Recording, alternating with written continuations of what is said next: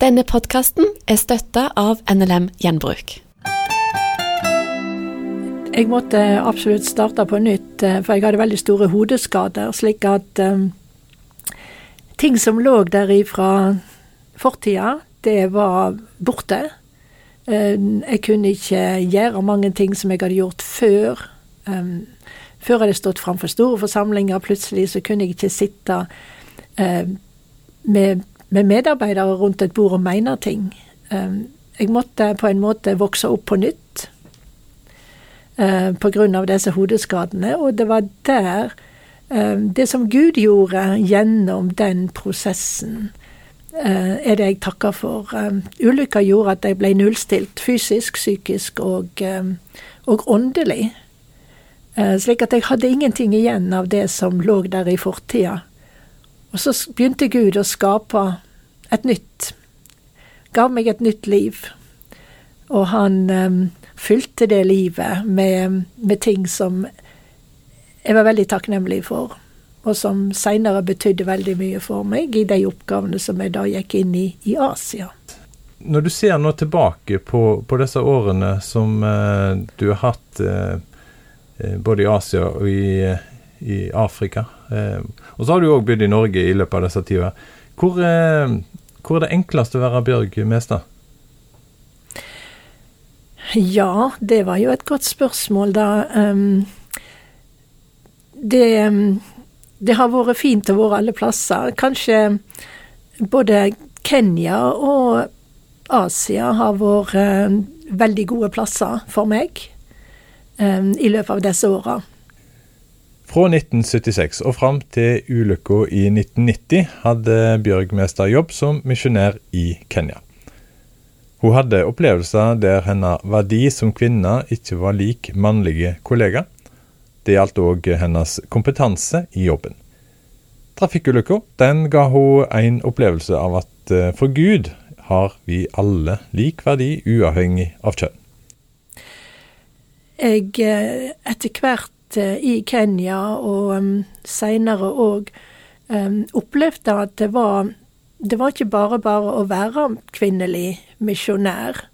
Um, fordi at på en måte så følte jeg at jeg var på en måte sånn annenrangs misjonær. Jeg følte at Ja, at jeg ikke ble anerkjent eh, som en fullverdig medarbeider og eh, menneske fordi jeg var kvinne. Eh, og det var Det ble ikke direkte sagt til meg, men opplevelsen som i det daglige, ja, i det daglige, når vi var sammen, vi som var fra Norge da, så, så, så merka jeg det på mange forskjellige måter. Og det var, det var veldig vondt og det, det var ikke bare en sånn engangstilfelle, men det var en holdning som var der, som gjorde at jeg tenkte Er ikke jeg verdt så mye som en mann fordi at jeg er en kvinne? Ja, for i Misjonssambandet så har eh, en eh, stillinger som eh, kun kan bli eh, besett av menn. Og det at en skiller mellom menn og kvinner, kan det òg påvirker, sånn som du forteller det, måten vi behandler hverandre på. Eh, at en blir litt sånn At det, går utover eh, anerkjennelsen som, som medarbeider i organisasjonen.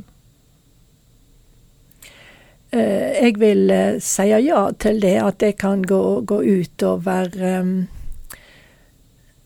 av, over posisjon i organisasjonen og anerkjennelse. Det er veldig mye det jeg har opplevd. Um, det er klart jeg forstår nå at um, det er mange ting som har um, forandra seg i Misjonssambandet i løpet av disse vel 40 åra som jeg har uh, vært ansatt. Og nå har jeg ikke oversikt over alle detaljer, for jeg har vært veldig avskåren for uh, informasjon om Misjonssambandet, spesielt når jeg var i Asia, pga. sikkerhetsmessige grunner. Um, så jeg kan ikke si akkurat hvor de er henne nå. Men um, uh, det er klart at det har vært slik at uh, hvis ikke du er mann, så er det forskjellige stillinger som du ikke kan ta. Nå hadde jeg en sånn stilling en gang. For når det er nødsituasjoner i denne organisasjonen, når plutselig en mann ikke blir der og ikke er der, så må noen komme inn og ta arbeidet for denne mannen. Og det har skjedd for meg at jeg har vært en slik nødløsning. Og det var en veldig tøff opplevelse, for det um, det skulle ikke gjøres kjent at jeg hadde den stillingen. Um, det skulle holdes hemmelig. Samtidig som jeg satt med ansvaret for, um, for, veldig mange folk, og hadde et veldig stort arbeid som jeg hadde ansvar for eh, i flere måneder. Men det skulle ikke gjøres kjent. Det skulle ikke nevnes internt eller eksternt. Eh, men alle visste jo at det var jeg som gjorde jobben. Og det var det var en, en, veldig merkelig opplevelse, en veldig vond opplevelse, egentlig. Um, at jeg ikke skulle, det ikke skulle nevnes at det var jeg som satt der med arbeidet, fordi at det var galt at jeg hadde det arbeidet. For jeg var ikke mann. Nå når du eh, ser tilbake på den tida der, eh, er det ting du kunne tenkt å, å skulle vært gjort annerledes? Det er klart at eh, vi alle, enten vi er menn eller kvinner, vi har et veldig behov for å bli sett. Uh, og anerkjent for det som, som en gjør, og den en er.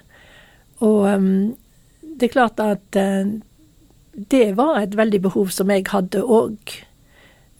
Slik at det skulle jeg ønske at det hadde blitt litt mer av. Uh, både ifra ledelsen i Norge og, og i, i, fellesskapet som vi hadde. At en, en ble hørt når en hadde noe en skulle si. Men dere skulle var på jobb i, i Kenya og skulle gjøre den jobben du var satt til som misjonær. Eh, opplevde du da òg at var, du var en annenrangs misjonær?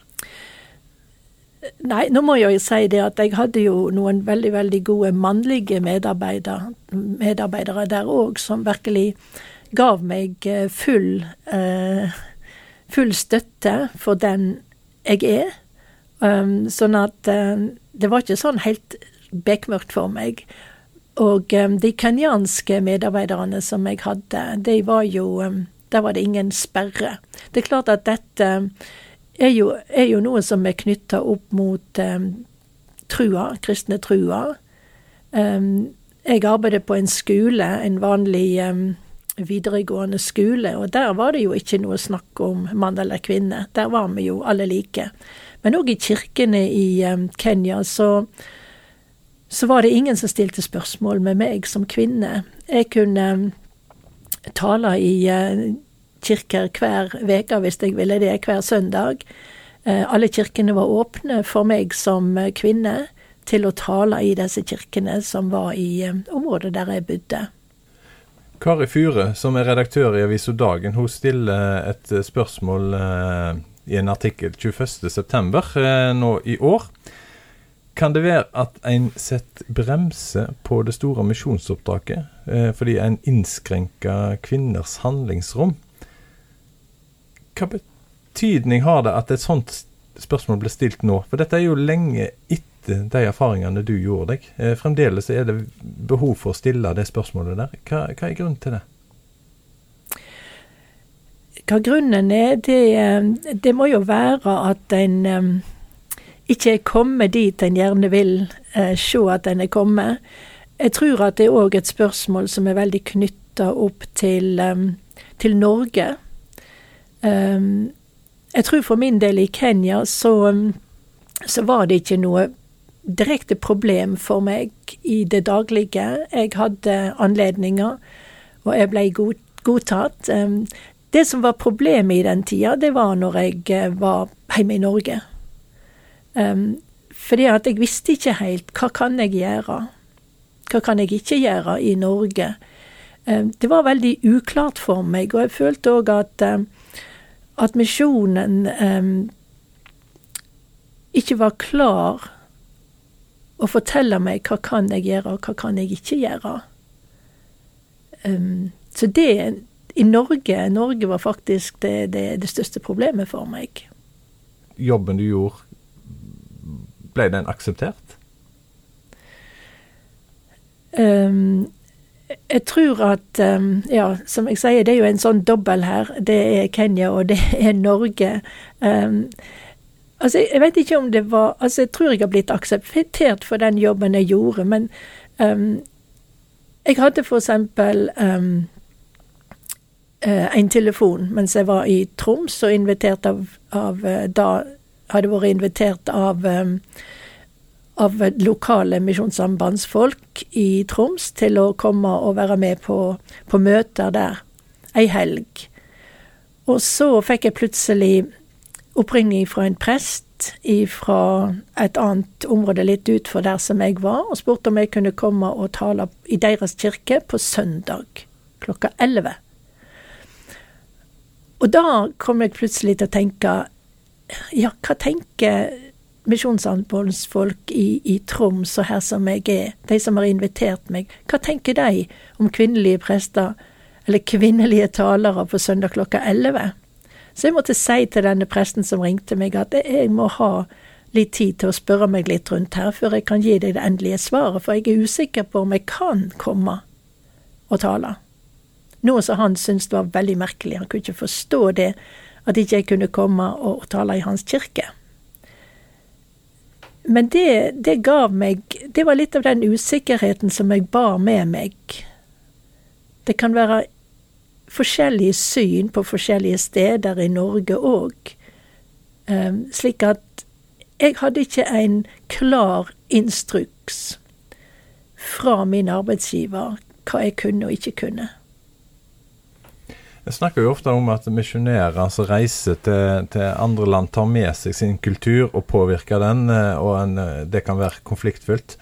Her er det på en måte motsatt, at du tar med deg en kultur som misjonær til Norge, og så kan det oppleves eh, konfliktfylt. Hvordan, hvordan opplevde du egentlig dette her? Hvor, hvor var du? Var du hjemme da du var i Norge, eller var du hjemme når du var i Afrika?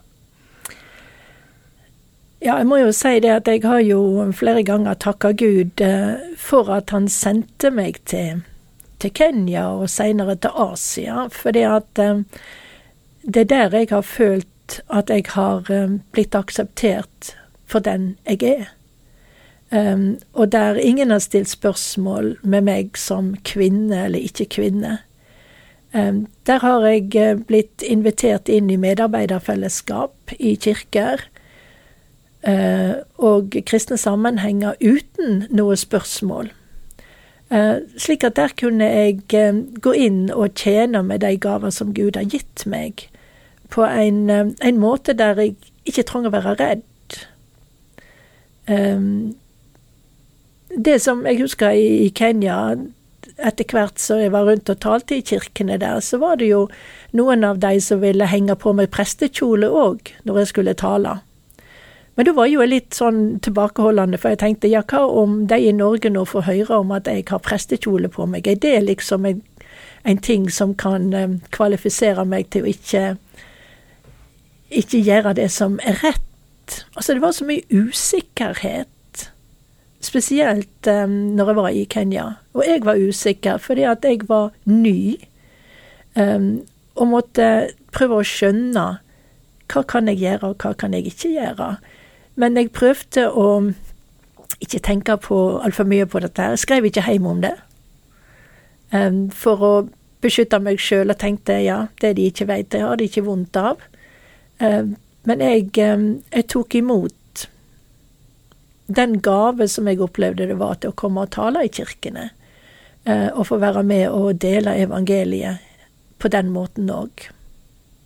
Men opplever du at det har vært åpenhet for, for de der forskjellene på, på, på, de opplevelsene du har i Norge og når du har vært i Asia og Afrika? er vi flinke nok til å skjønne dine opplevelser? Det er jo vanskelig å si. Altså Jeg føler at det var ikke noe noe rom for å, um, å dele de opplevelsene som jeg hadde i Kenya og i Norge. Var Jeg ble ikke Det var ingen som satte seg ned med meg for å høre ja, hvordan er det Hvordan opplever du det å være i Kenya? Eh, og hvordan opplever du det å være i Norge? Det, det var Jeg var ikke i den sirkelen der sånne ting ble snakka om. Eh, fordi at jeg rakk ikke opp i det forumet. Eh, og det er klart, på den tida så var det ikke Det var ikke så veldig mye opptatt av personalpolitikk, egentlig. Du var ute, og da var du ute. Og det som jeg opplevde, var ja, det var greit. Så og så mange er ute, og det er vi glad for. Og, og så var det ikke så veldig Ja, hva med å følge, bli, bli, fulgt opp, det var ikke så, så viktig på den tida. Og de hadde ikke kapasitet til det. Det var jo ganske få ansatte da i forhold til sånn som det er nå. Det sier at du greier å snakke om dette her nå, eh, og, og, reflektere over de opplevelsene du har hatt. Eh. Jeg skjønner det må ha vært en lang vei å gå eh, for å komme til der du er nå. Eh, hvordan opplever du Har du opplevd den, eh, den veien å, komme så langt at du snakker om det nå, og reflekterer over de tingene du har opplevd? Eh, det er jo um, uh, Nå har vi fokusert veldig mye på, på Kenya. Jeg har jo òg vært enda lenger i Asia, da. Um, der òg opplevde jeg uh, det veldig fint, og ble akseptert fullt ut, slik som i Kenya. I kirker og det kristne fellesskapet. Og um, jeg opplevde den biten, den Norge-biten, var ikke for min del så veldig stor forskjell på um, over alle disse årene nå, som er 40 år, faktisk. Um, jeg opplevde fremdeles um, dette at det at jeg var kvinne for de i Norge, var, var en ja, trekte meg nedover, for å si det sånn. Så sier du ja, hva som gjør det at jeg nå kan, kan se tilbake på dette og, og være i en, i en, mer fri stilling, sånn som jeg opplever at jeg er nå. Det er fordi at jeg har fått hjelp til å, å um, arbeide, meg, arbeide meg igjennom alt dette som jeg har opplevd. Slik at um, det holder meg ikke nede lenger. Det var jeg er blitt fri um, på en helt ny måte. At um, det som jeg har opplevd, det har jeg opplevd. Men jeg har fått hjelp til å, um, å bearbeide det på en slik måte at det ikke holder meg nede lenger. Og det var kanskje da, når jeg fikk denne hjelpa, at jeg virkelig så at um, jeg på mange måter har leie nede. Jeg har vært trakka på å leie nede i veldig mange um, år. Og derfor så ble friheten så uh, utrolig god når jeg, um, den endelig kom. Og det er en, um, en tre år siden nå at jeg fikk den hjelpa, noe som jeg er veldig, veldig takknemlig for. Og jeg, jeg opplevde det slik som døperen Johannes sin mor, Elisabeth, hun kunne ikke få barn. Og hun opplevde det som ei vanære. Altså, hun rakk ikke opp til de andre kvinnene sitt nivå fordi at hun ikke hadde barn. Men så ble hun med barn. Og så sier Elisabeth, dette har Herren gjort for meg. Nå har han sett til meg og tatt bort mi vanære blant folk. Og på en måte det som jeg opplevde når jeg fikk hjelp til å, til å arbeide meg igjennom det jeg hadde opplevd, så følte jeg det veldig likt som Elisabeth. Dette har Herren gjort for meg. Nå har Han reist meg opp, nå har Han tatt bort mi vanære, slik at nå kan jeg eh, legge bort så langt det er mulig, det vonde som jeg har opplevd, fordi at nå står jeg. Nå står jeg oppreist. Jeg trenger ikke bøye nakken lenger eh, fordi jeg er kvinne. Jeg kan stå oppreist som kvinne, og i Misjonssambandet. Du kan tenke nå at jeg svartmaler det veldig nå, men eh, dette er min opplevelse av eh, hvordan det var for meg. Det kan godt hende det var andre som hadde det på andre måter. Uh, men um, jeg syns det, det, var smertefullt. Og ja, som jeg sa, som ikke ble Jeg rakk ikke opp til det nivået der mennene var. Er boden eller klesskapet ditt blitt fullt med ting som ikke er i bruk? Gjennom NLM Gjenbruk kan din kjole eller dress bli til rent vann for mennesker i Afrika, eller til nye skolebøker for unge i Sør-Amerika. Våre gjenbruksbutikker tar imot det meste, men husk at det du leverer er rent, helt og pent. Vi er behjelpelige med henting, og kan også ta imot dødsbo. Finn din nærmeste butikk på nlmgjenbruk.no. Velkommen til oss. Du har hørt en podkast fra Petro. Du finner masse mer i vårt podkastarkiv på petro.no.